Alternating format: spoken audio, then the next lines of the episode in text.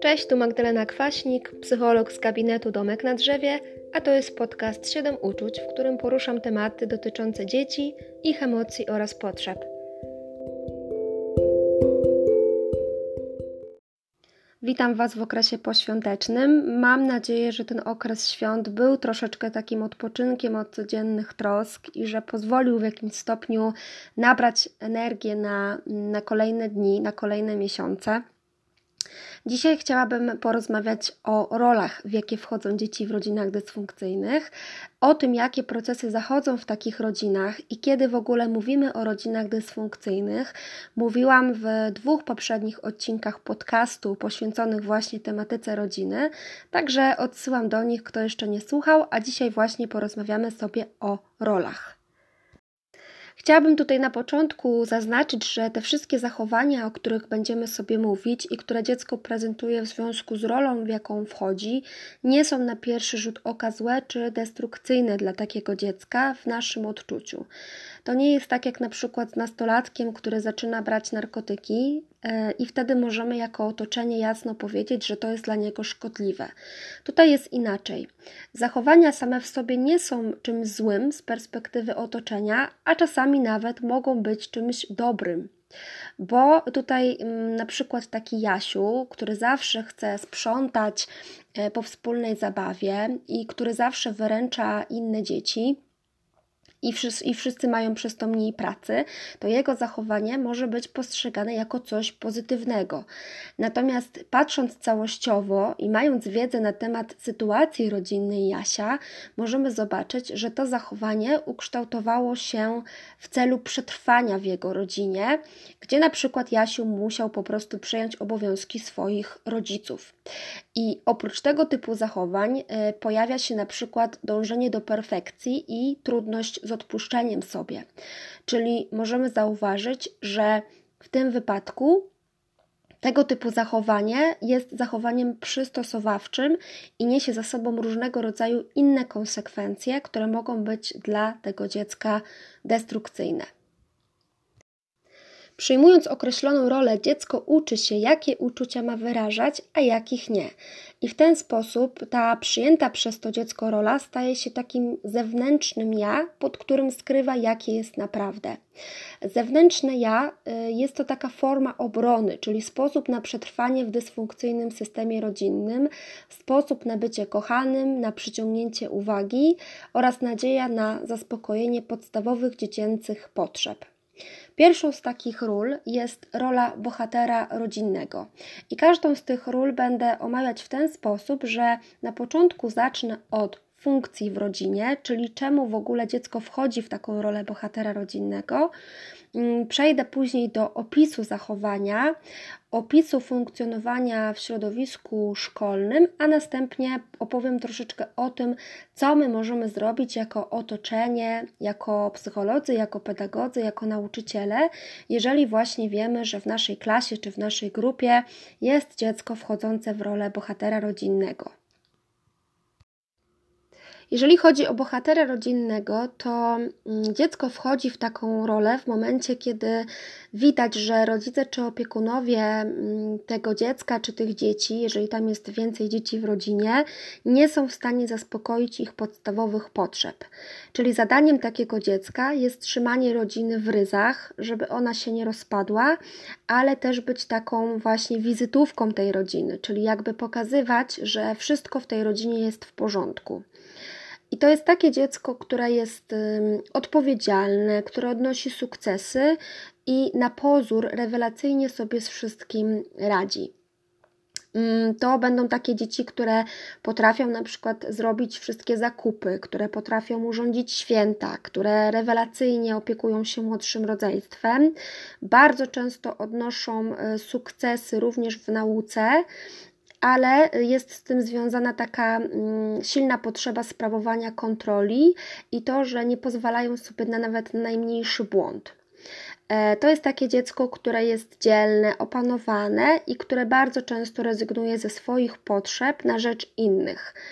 Mm, I tutaj y, jest taka pułapka, ponieważ często postawa tego dziecka zostaje wzmocniona przez otoczenie dlatego że takie dziecko jest często chwalone i podziwiane za swoją postawę, jakie ono jest dzielne, jakie ono jest odpowiedzialne, ile ono umie zrobić.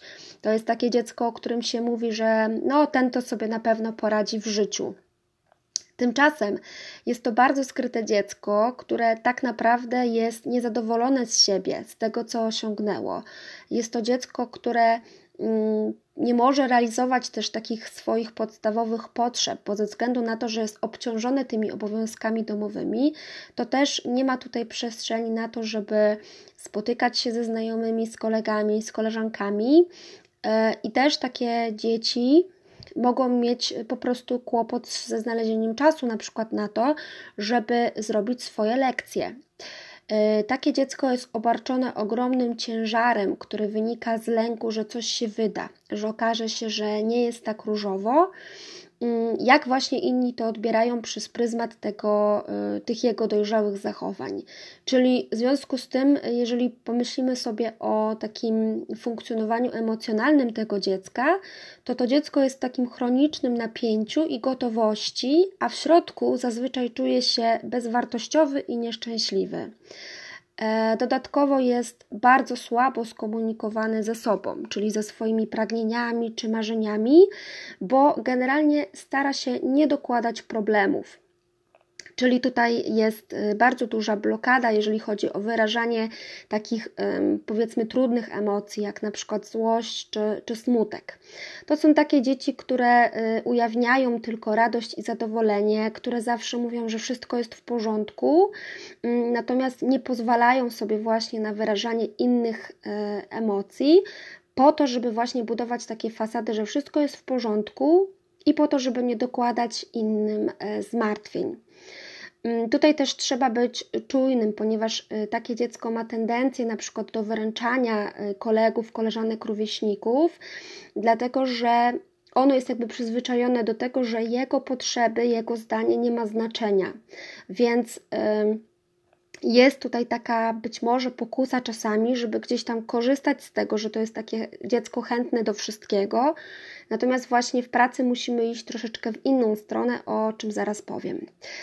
E, jest to dziecko, które może mieć też problem z odpoczynkiem, e, w ogóle z takim złapaniem oddechu, dlatego że ono mm, no nie ma czasu na taką spontaniczną e, zabawę. Może mieć takie poczucie, taką właściwie mm, poczucie konieczności ciągle robienia czegoś oraz ogromną trudność z proszeniem o pomoc innych, czyli może być przyzwyczajone do tego, że sobie zawsze radziło samo, w związku z czym będzie mu ciężko jakby też tak podejść do kogoś i poprosić o pomoc i zrozumieć, że proszenie o pomoc to nie jest oznaka słabości.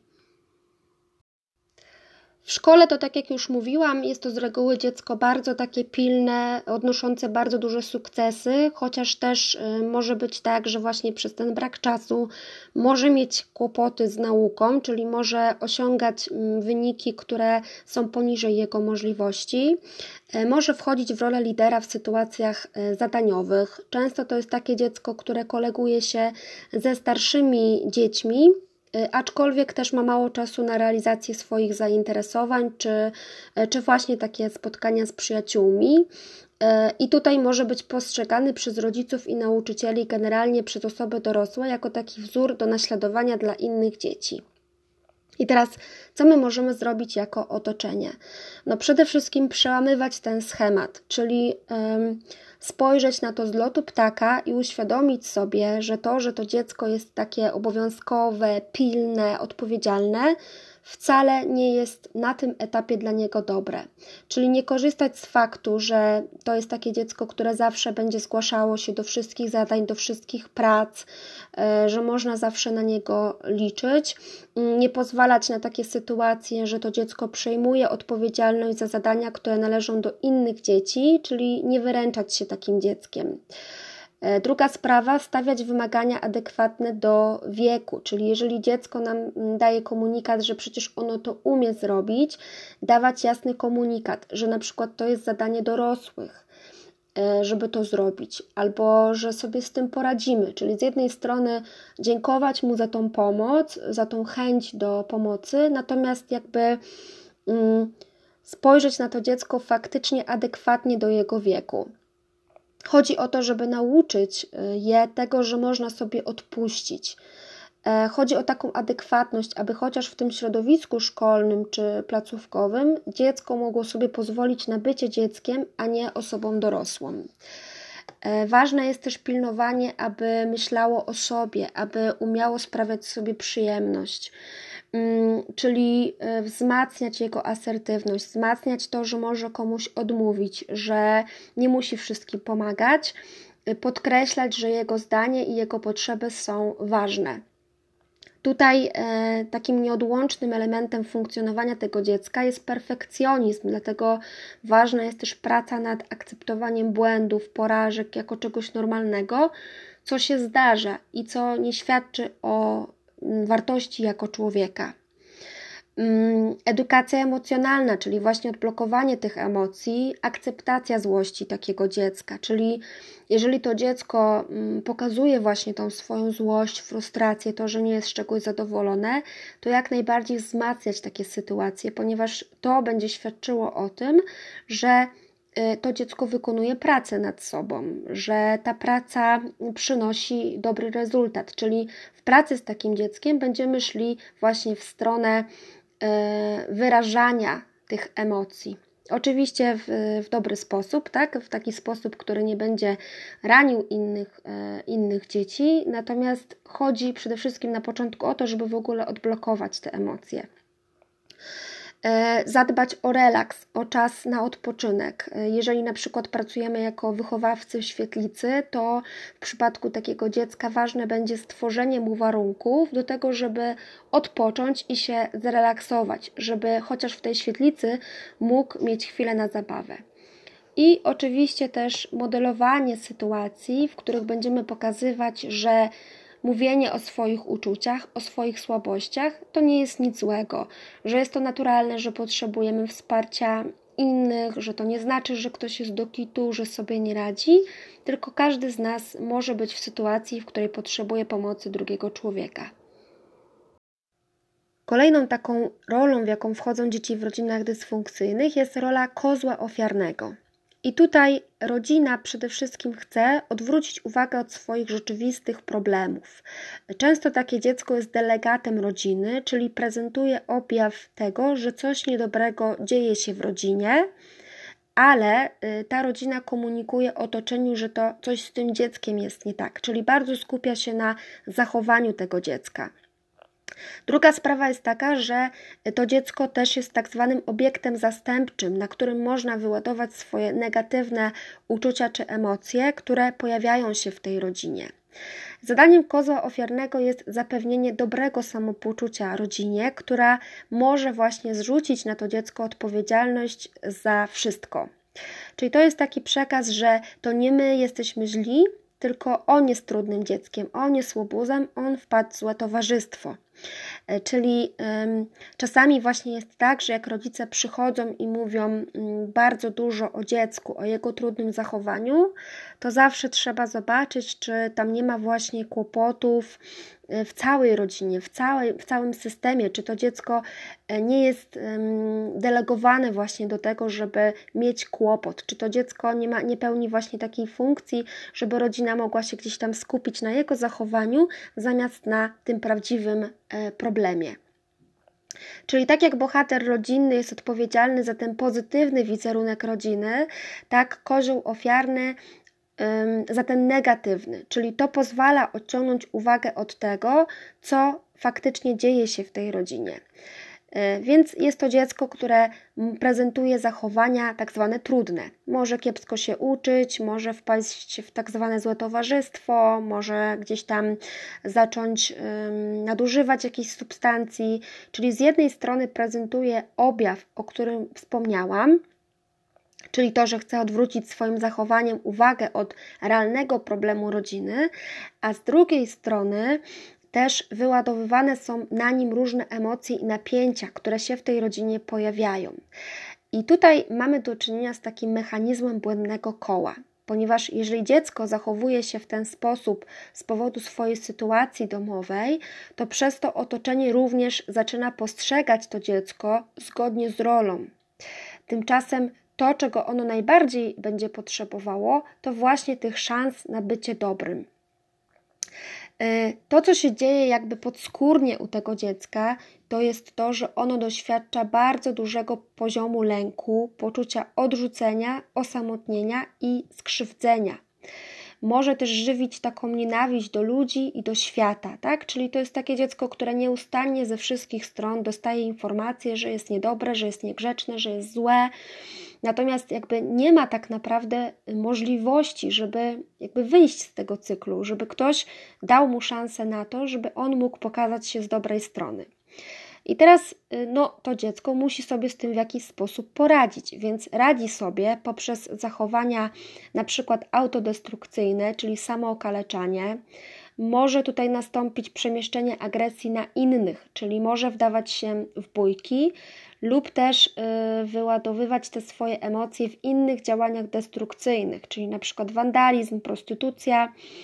Y, tą odczuwaną złość przypisuje innym i spostrzega generalnie świat i ludzi jako wrogich, nieprzyjaznych i zagrażających.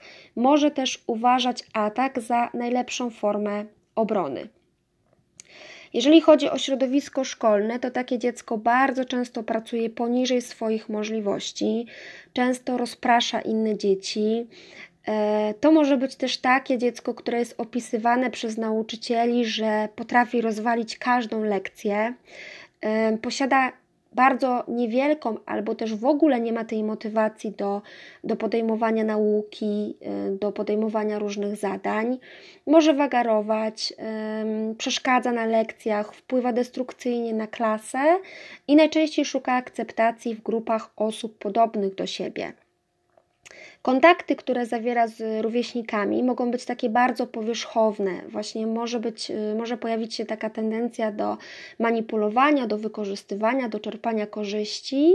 E, może prowokować, y, zaczepiać, y, może nagminnie kłamać, nie dotrzymywać obietnic, łatwo wpadać w gniew, w takie rozdrażnienie, rozżalenie. Mm, no i też często właśnie łamie normy.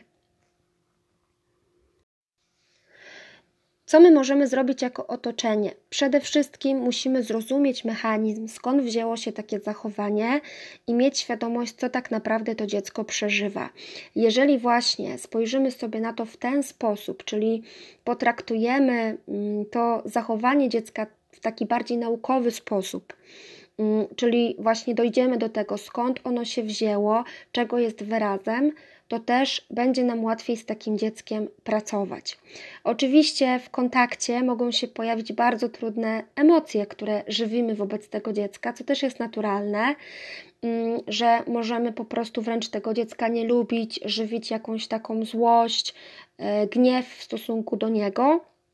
Zwłaszcza jeżeli właśnie mamy takie poczucie, że, e, że jest to dziecko, które w cudzysłowie rozwala nam grupę, jest to dziecko, które swoim zachowaniem sprawia, że bardzo trudno jest e, coś na przykład przeprowadzić z resztą dzieci, to takie emocje mogą się pojawić.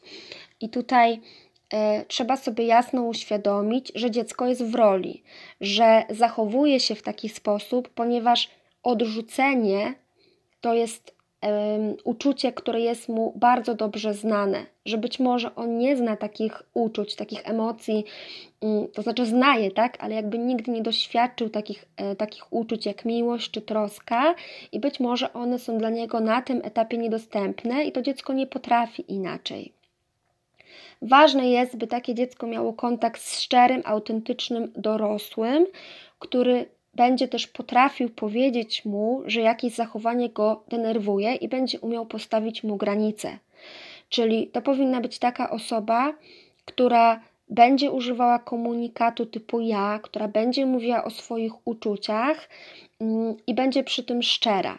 E, tutaj może pojawić się taka być może chęć y, do tego, żeby ze względu na to, że, że to dziecko ma za sobą tak dużo negatywnych doświadczeń, żeby być może właśnie mu mm, jakoś pobłażać, czy, czy generalnie go jakoś tak chronić, powiedzmy, przed światem, tak? Czyli gdzieś tam e, zatajać te swoje emocje gniewu czy, czy frustracji spowodowane jego zachowaniem, e, ale właśnie nie, trzeba iść w drugą stronę, czyli pokazywać, że jakieś zachowanie jego, czyli na przykład to, że mm, załóżmy na grupie pomógł koledze, że powoduje takie i takie konsekwencje, że na przykład ten kolega chce się z nim bawić, ale z kolei to, że na przykład przed chwilą obraził jakąś inną koleżankę z grupy, powoduje to, że na przykład ona jest na niego zagniewana, czyli musi mieć po prostu jakby kontakt y, z, z żywymi emocjami, z tym, jak naprawdę funkcjonuje świat.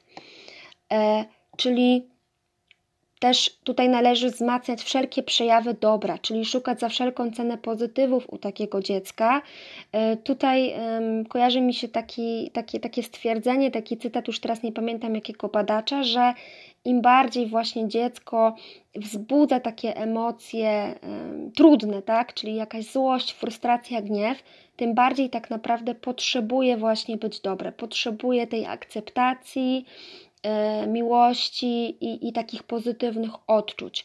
Czyli też mi tu przychodzi do głowy taki przykład dziecka, które w momencie, kiedy zaczęło właśnie słyszeć jakieś pierwsze pozytywne komunikaty na swój temat, a takie rzeczy na pewno się znajdą, tylko trzeba ich po prostu poszukać, to na początku będzie, na początku właśnie zatykało uszy, nie chciało słuchać nic dobrego na swój temat, ponieważ było przyzwyczajone do tego, że jak się o nim mówi, to z reguły mówi się źle.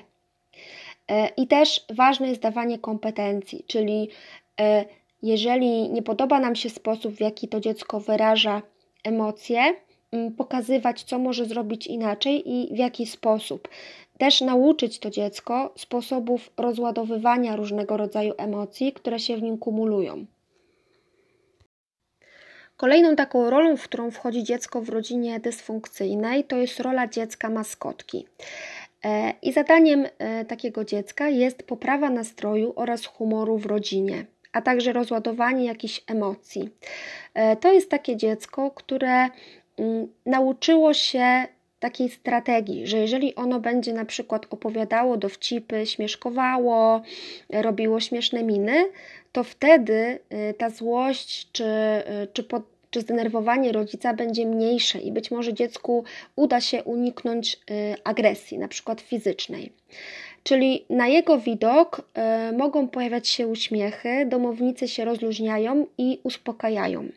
W tę rolę najczęściej wchodzi najmłodsze dziecko, I tak naprawdę podskórnie y, temu dziecku towarzyszy bardzo duże przerażenie w sytuacji złości czy wściekłości któregoś y, z domowników.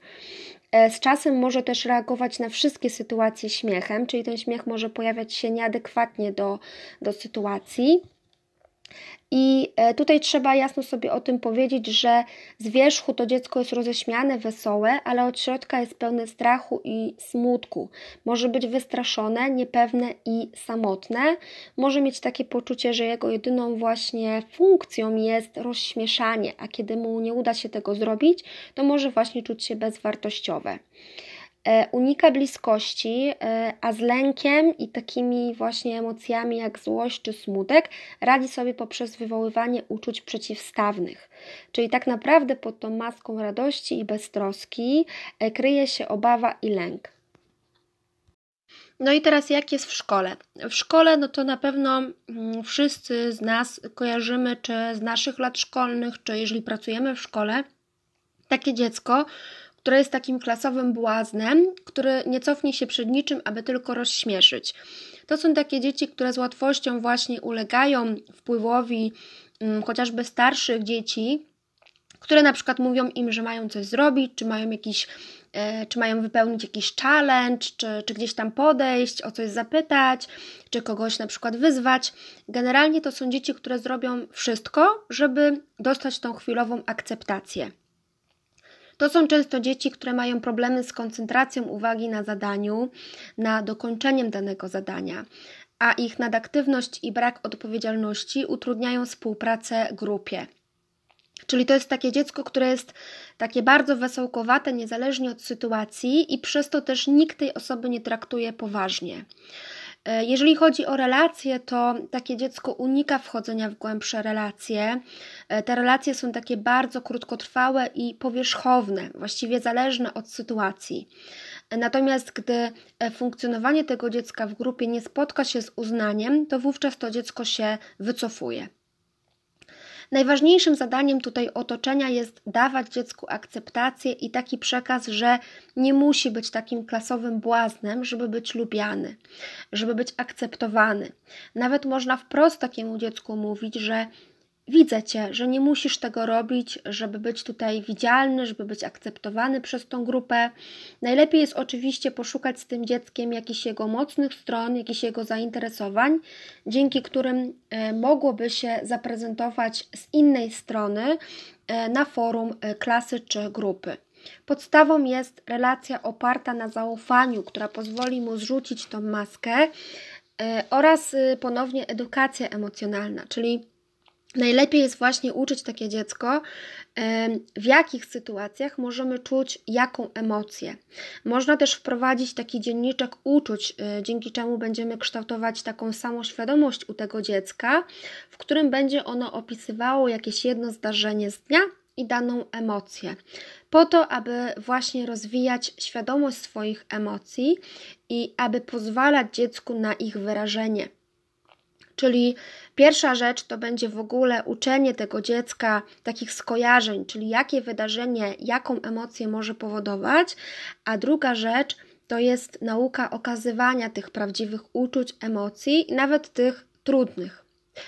E, I też to, co jest szczególnie ważne, to wytłumaczenie, skąd może się brać u niego śmiech w różnych sytuacjach. Czyli on może tego nie wiedzieć, że jest to pewien mechanizm obronny, który on y, po prostu zaczął praktykować, że tak powiem.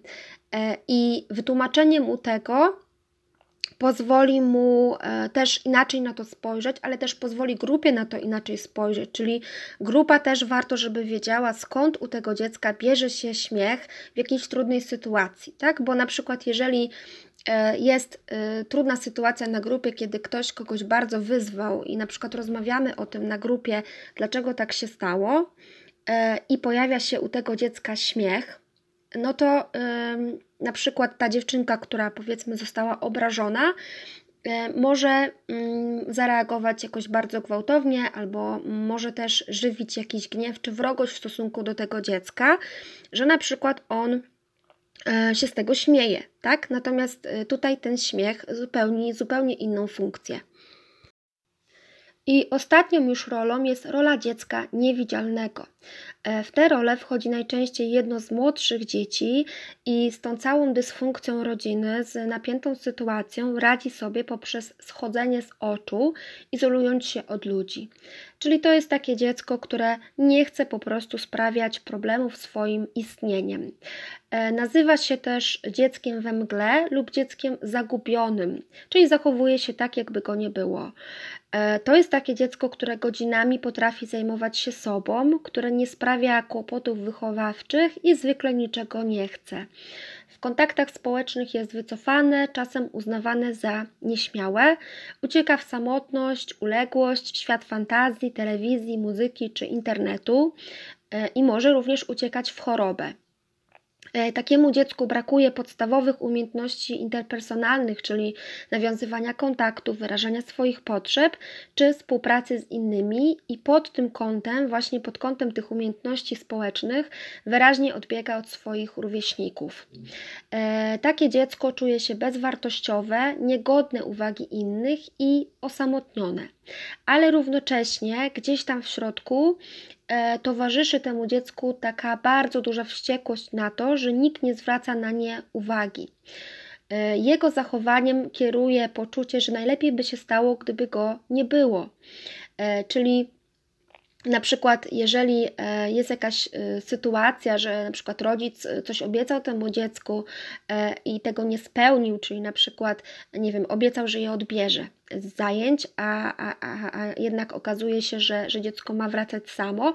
Jeżeli zapytamy je, jak się z tym czujesz, to ono powie, że nic się nie stało, wszystko jest w porządku, czyli jakby w ogóle nie pozwala sobie na to, żeby wyrazić jakąś emocję, żeby czuć rozczarowanie, ponieważ uważa siebie samo za kogoś nieważnego.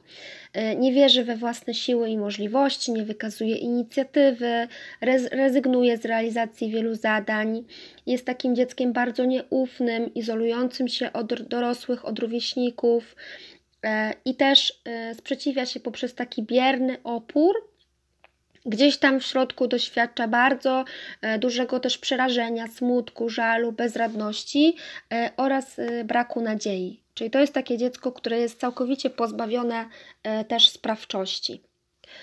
W szkole, mm, na lekcjach sprawia wrażenie ciągle zamyślonego, nieobecnego, kiedy y, na przykład y, wyrwie się do, do odpowiedzi, najczęściej milczy albo zmyśla jakieś informacje e, i też ma bardzo dużą trudność we współpracy w grupie. To jest takie dziecko, które e, o którym bardzo ciężko jest nam e, jako wychowawcom, jako nauczycielom, psychologom coś powiedzieć. Czyli to dziecko nam gdzieś umyka po prostu z tej grupy. I teraz Y, co możemy zrobić jako otoczenie? No przede wszystkim należy dać temu dziecku odczuć, że jest ważny dla dorosłych. I tutaj fajnie jest zacząć od takiej pracy indywidualnej z takim dzieckiem, czyli e, dać mu przede wszystkim czas, dać mu taką przestrzeń mm, na to, żeby na przykład ono spędziło czas z dorosłym tak jak ono chce, e, czy na przykład na grach planszowych na początku, czy na rozmowach, a dopiero potem e, włączać to dziecko w jakieś aktywności grupowe. E, wspierać je w samodzielnym podejmowaniu decyzji i zabieraniu głosu, czyli jeżeli decydujemy o czymś z grupą i grupa musi podjąć decyzję, to ważne jest, żeby dopytać to dziecko, co jest dla niego ważne, co o tym sądzi. Ono na początku przynajmniej pracy na pewno będzie mówiło, że nie ma zdania, że jemu to jest wszystko obojętne, ale na początku ważne jest właśnie zauważenie tego dziecka. Czyli jeżeli ono samo nie czuje takiej odwagi, nie czuje takiej potrzeby, żeby zabrać głos, to my jako dorośli musimy e, to dziecko wzmacniać w tym, żeby ten głos zabierało i też chwalić oczywiście za to. E, zachęcać dziecko do integracji z rówieśnikami, czyli jeżeli ono nie jest gotowe na dołączenie do grupy dzieci, e, to można je też zaangażować w inny sposób, tak? Czyli takie dziecko może być na przykład pomocnikiem mm, osoby prowadzącej, czy może coś przynieść. No, generalnie chodzi o to, żeby znaleźć mu jakieś zadanie, warto też je angażować w takie e, gry i zabawy, gdzie każde dziecko pełni jakąś rolę, czyli każde dziecko jest ważne i po prostu zabawa czy zadanie nam nie wyjdzie, jeżeli wszystkie dzieci nie będą brały w tym zadaniu udziału. Oczywiście te pochwały, o których już wspomniałam, za każdym razem, kiedy dziecko samo wyrazi swoje zdanie, e, zabieganie o kontakt z takim dzieckiem, ponieważ, tak jak już mówiłam, łatwo je przeoczyć, czyli e, jeżeli my wiemy o tym, że mamy w grupie takie dziecko, to właśnie szczególnie zwrócić na to uwagę, żeby rozmawiać, pytać, e, wykorzystywać okazję do pytania o nie, rozwijać też zainteresowania, dzięki którym mogłoby być bardziej widoczne na forum grupy. Mm, i też odblokowanie ekspresji dziecka, czyli zachęcanie go do wyrażania uczuć przez na przykład pacynki, e, przez różnego rodzaju scenki, przez kalambury. I sami też e, powinniśmy tutaj w relacji z takim dzieckiem modelować wyrażanie uczuć i emocji, czyli pokazywać, że nie ma w tym nic złego. Podsumowując troszeczkę ten temat tych e, ról w rodzinie, tutaj John Bradshaw pisze, że jeżeli jeden z rodziców nie wypełnia swojej roli z jakiegokolwiek powodu, czyli to nie tylko musi być jakieś uzależnienie od alkoholu, może być to rodzic, który jest nieobecny, bo na przykład faktycznie jest nieobecny, bo, bo na przykład wyjeżdża często, ale może być też nieobecny w takim sensie, że na przykład choruje na depresję w rodzinie mm, dysfunkcyjnej, czyli takiej, gdzie te dzieci mogą wchodzić w te role, może być też taka sytuacja, że jeden z członków rodziny jest przewlekle chory i wówczas wszystko koncentruje się wokół tej, tej osoby. I w takich właśnie rodzinach zwykle któryś z dzieci wchodzi w rolę takiego rodzica. Czyli jeżeli rodzina bardzo potrzebuje sukcesu i tworzenia takich fasad, że wszystko jest super, to dziecko wejdzie w rolę bohatera. Jeżeli potrzeba kogoś, kto weźmie na siebie odpowiedzialność za zło, no to stanie się kozłem.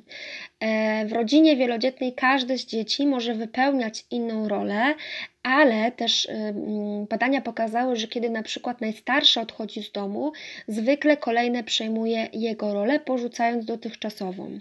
Czyli to pokazuje, jak ważną potrzebę rodziny zaspokaja dana rola i jak silnie związana jest ona z systemem rodzinnym, a nie z cechami dziecka. I też w innych z kolei badaniach okazało się, że e, cechy temperamentalne mają tutaj mniejsze znaczenie niż aktualne zapotrzebowanie rodziny na daną rolę. Czyli takie cechy temperamentalne, jak na przykład zapotrzebowanie na bodźce, jak aktywność, e, nie mają tutaj e, żadnego znaczenia. Po prostu, jeżeli jest zapotrzebowanie w rodzinie na daną rolę, to dziecko wejdzie w tą rolę, ponieważ wynika to z tego, że rodzina funkcjonuje jako system, o czym wcześniej też mówiłam e, w poprzednich odcinkach. Także na dzisiaj to już wszystko. Bardzo, y, bardzo dziękuję za, za odsłuchanie tego, tego odcinka, za słuchanie poprzednich odcinków y, tego podcastu. Mm, a już za tydzień y, dalej pozostaniemy w temacie rodziny i będę troszeczkę opowiadać o tym, jak funkcjonuje dziecko w sytuacji rozwodu rodziców czy też rozstania. Także zapraszam serdecznie e, i życzę wszystkiego, co najlepsze na nowy rok 2021. E, tak jak pewnie wszyscy, życzę sobie tego, żebyśmy w końcu mogli e, powoli wracać do sytuacji sprzed pandemii, wracać do normalności i oby ten rok okazał się lepszy niż 2020. Także jeszcze raz bardzo dziękuję i do usłyszenia.